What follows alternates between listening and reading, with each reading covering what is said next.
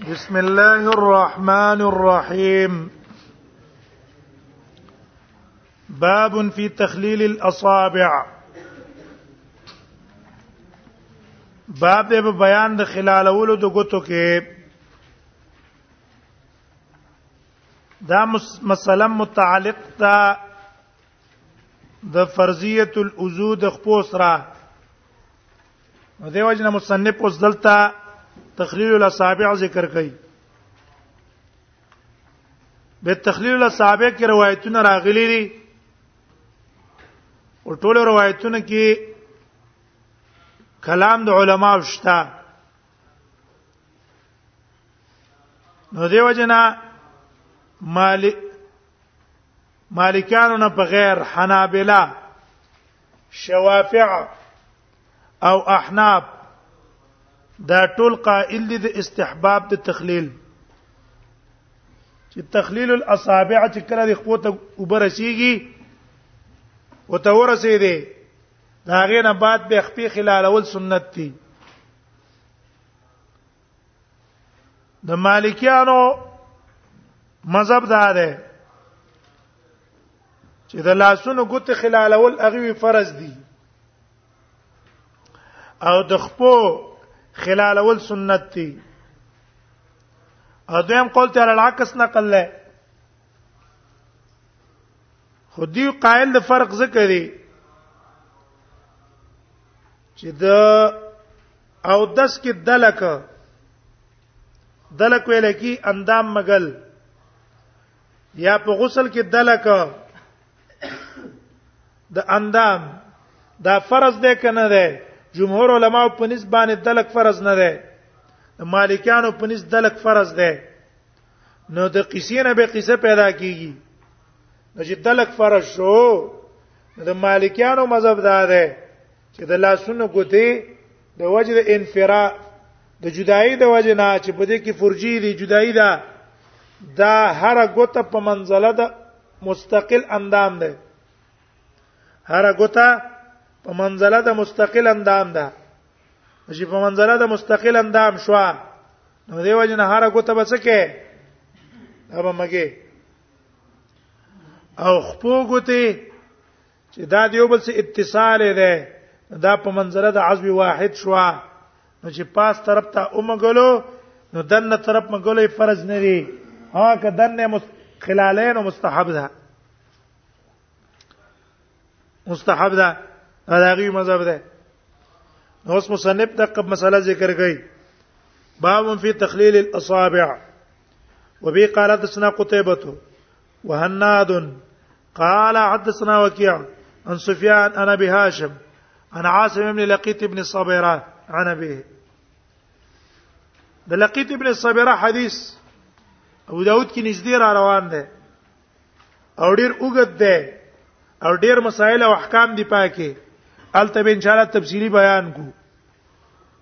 نو لقیت ابن صبره روایت کړي د د نبی صلی الله علیه وسلم ته پوس کړو په بارد او د سکه چې ما ته او د سوخیوا نبی صلی الله علیه وسلم تو فرمایله اذا توضأت فخلل الاصابع کله چې دی او د سکو فخلل الاصابع ګوتو کې خلال کوا تقریر الاصابع کوا ګرامر پر راغله لیکن د جمهور علما په نس د امر د څه د پاره ده د استحباب قرینه په دې باندې دا ده چې څونه کسانو د نبی صلی الله علیه وسلم او دس نقل کړي نو پاکي خلال اکثرونه نه نقل کړي خلیل صابع وفي الباب عن ابن عباس ابن عباس نم روایت ته مستورد نم دی ابي ايوب نم دی ابو عيسى او يا زادي سنن سنن صحيح دا حدیث حسن او صحیح ده ولما له هذا عند اهل العلم په دې باندې د علماو په نيز عمل له انه يخلل اصابع رجليه انه يخلل اصابع رجليه في الوضوء وای ګوتې د خپې به خلالې په اودس کې وبه یقول احمد واسحاق دا قول د امام احمد هم دی د اسحاق هم دی وقال اسحاق اسحاق يخلل اصابع يديه ورجليه د خپو د لاسونو دوه غوته په خلالې وابو هاشم اسمه اسماعیل ابن کثیر وبي قال سن ابراهيم بن سعيد قال سن ابن عبد الحميد ابن جعفر قال سن عبد الرحمن بن ابي الزناد عن موسى بن عقبه عن صالح مولى التوأمه عن ابن عباس ان رسول الله صلى الله عليه وسلم قال دا روایت ابن عباس ته اشاره کړې و اوسې به تراوړو وی نبی صلی الله علیه وسلم فرمایلی دي اذا توضأت وی نبی کله چې دی او دس کاو نو سبکه فخلل اصابع يديك ورجليك اوس هغه مستورد روایت فی الباک په اشاره او تکړه وا هغه راوړي وبي قال حدثنا قتيبه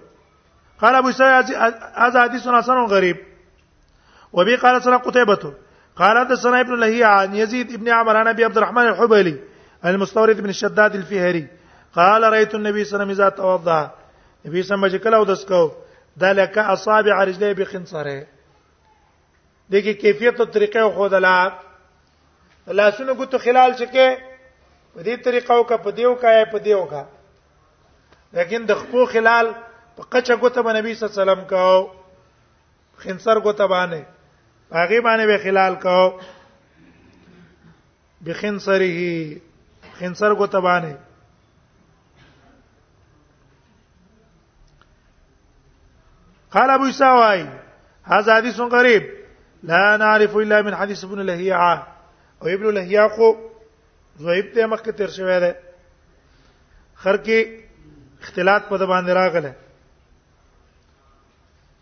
دا نعرف باب ما جاء ويل للعقاب من النار مصنف دلته د حدیث راوړی دی د پاره د دلیل د سنت والجماعت چې د سنت والجماعت عقیده دا ده چې د خپو دوه حالت دي یو حالت ته په غیر د خب او جورب چې نه دی او ته جرابا چولې دا نه دی او ته موضوع چولې د دې موضوع او د جرابونه بار ده نو دې حالت کې د خپې انزل فرض دي هم په حالت د نعل کې هم اختلاف ده ابو داود په باب کې یلته به تفصیل سره بیان کو ان شاء الله دی حالت کې نه دی نو د دې انزل فرض دی کلک زید نه وچ پات شو دا سبب ته د پاره د عذاب او که چرتا خوب ته چولې او جورب ته چولې نو په دې حالت کې بیا مسح علی الجورب والخف د مذهب د شیعاګانو ده مې شیعاګان وای په هر حالت کې په خپو باندې مسح ده جورابه دې چولې که خوب دې چولې دا جایز نه ده بلکې په خپو باندې مسح کې غسل نه ده هغه استدلالات کړی دي آیات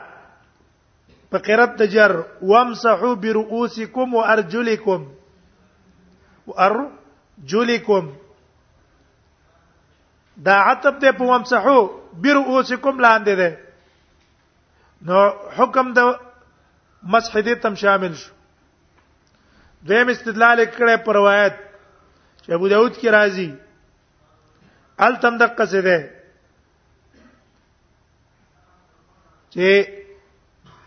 خپې بینځي لاس بینځي او مسبو کی په سر او په خپو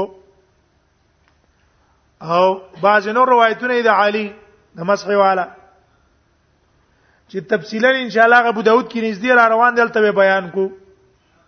الته به تفصیلی بیان کو دلته صرف حواله باور کو نو شیعاګانو پاغي استدلال نیولای نو د شیعاګانو د سنت والجماعت په دې کې اختلاف دی نو امام ترمذی راولګېدو باب ما جاء ویل العقاب من النار دا باب ذکر کو چې ګوره دغه صحابي نه دغه صحابو نه لږ ځای وچ پاتې شوی او نبی صلی الله علیه وسلم ته ویل ویل العقاب من النار اسبغ لزو نو چې سړی صرف مسکه ټول خپل وچه پریری نو په طریقه ولا باندې مستحق دی ویل دی کنه دی مستحق دی دی ویل دیو جنا لاندې په تفریم په دی باندې کوي اخی حدیث مونږ ویل نبی هره نه نبی سلام قال وین العقاب من النار ابو داود کې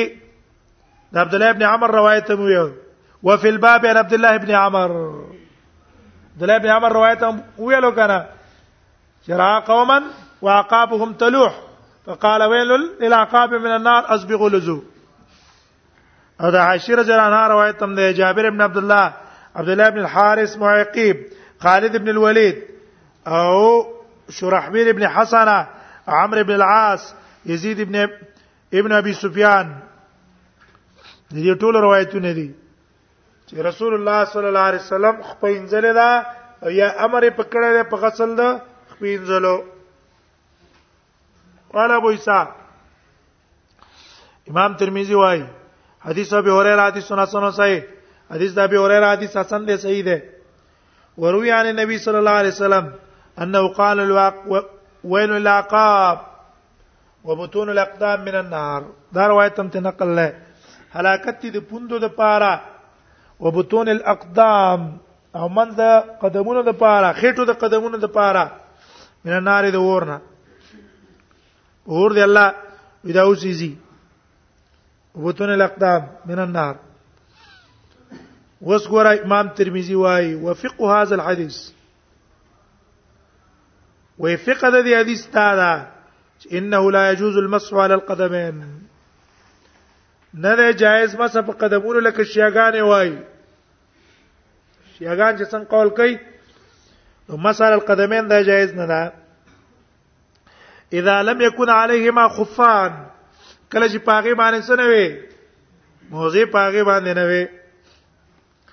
او جوربان یا پاغي جرابې نه وي غیر د جرابونه او په غیر د موضوعونه یا د یو قول مطابق په غیر د نعلینو نه نو بیا مسه به جایز نه ده لکه قائل شیعاګان چې څنګه لایق قائل دي امام ترمذی دا باب راوړو د پاره درت ده شیعاګانو او تفسیر ان شاء الله تعالی ابو داود کې کوو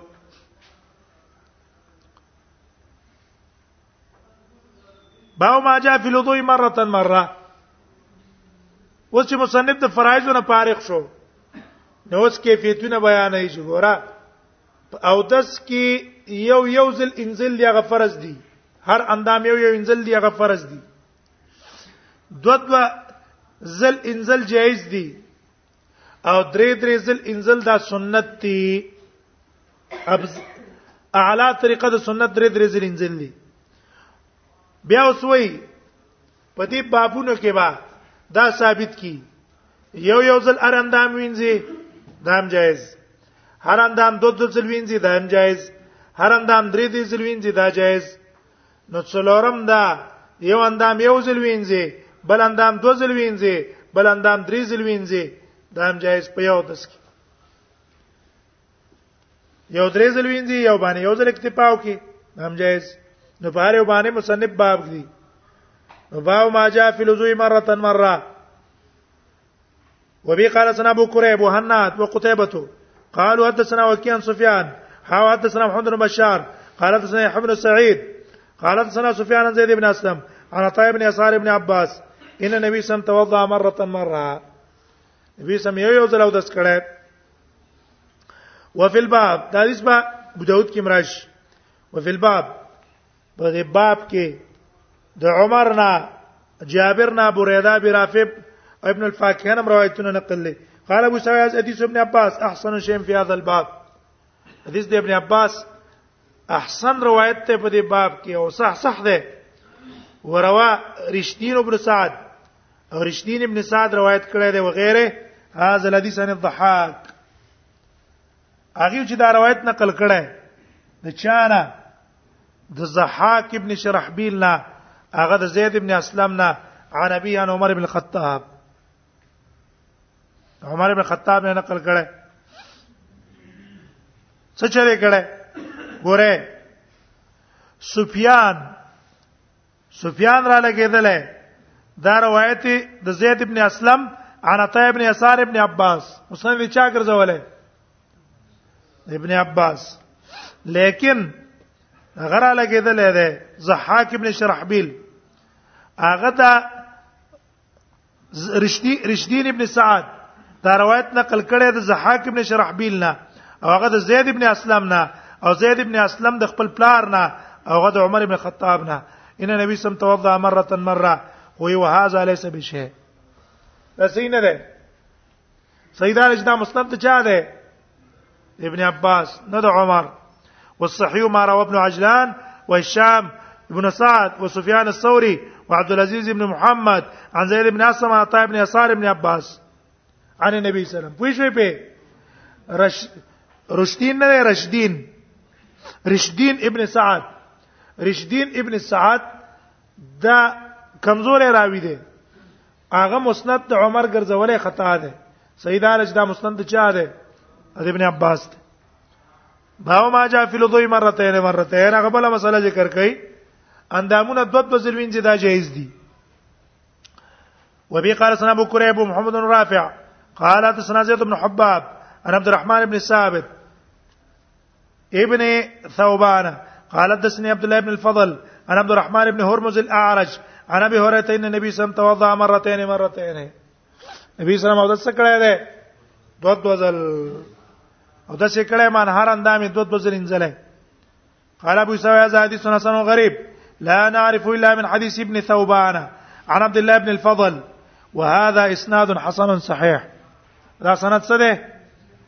دا اسناد حسن هم دی صحیح هم دی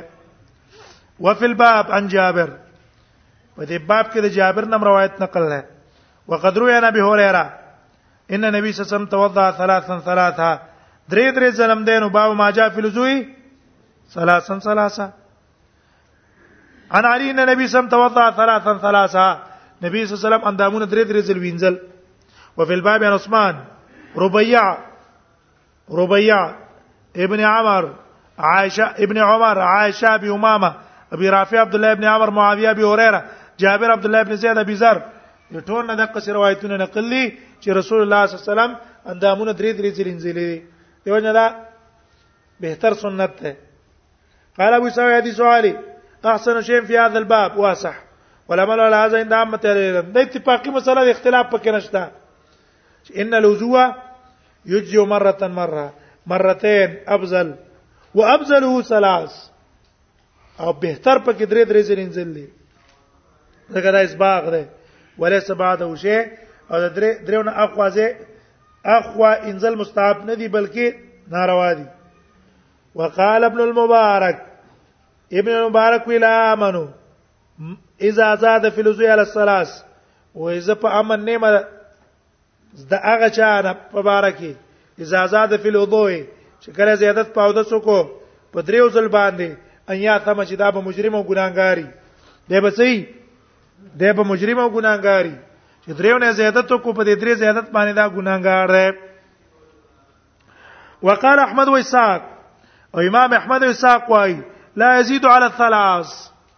زیادت په دریو باندې نه کوي مگر څوک لا يزيد على الثلاث الا رجل مبتلا زیادت په دریو باندې نه کوي مگر هغه سړی مبتلا چې هغه څوی مبتلا په لیوان توبه هغه ته بچل کېدلې جنون به تل کېدلې هغه په زیادت کوي او چې په لیونتوب مبتلا نه هغه زیادت نه کوي الا رجل مبتلا باو ما جاء فی لزوی مره و مرتين و ثلاثه ابل صورت ذکر کوي مبتلا باندې ورسېدای موسوس وسوسه باندې مبتلا الحمدلله دې دې کو نسبه بالکم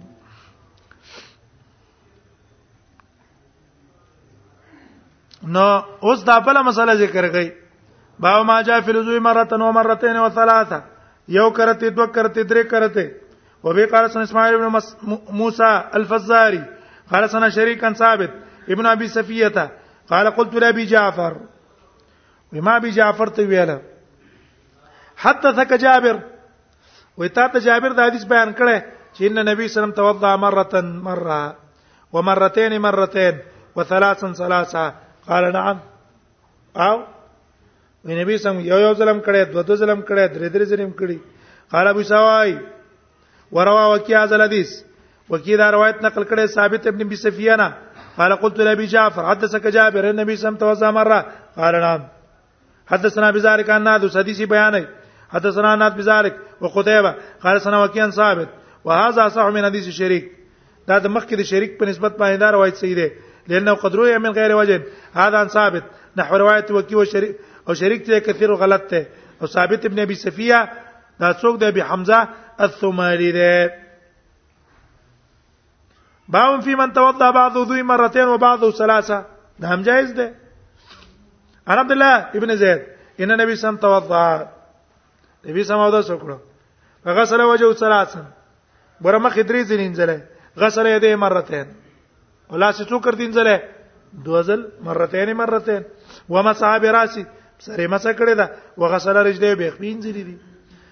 قال ابو سعيد حديث حسن صحيح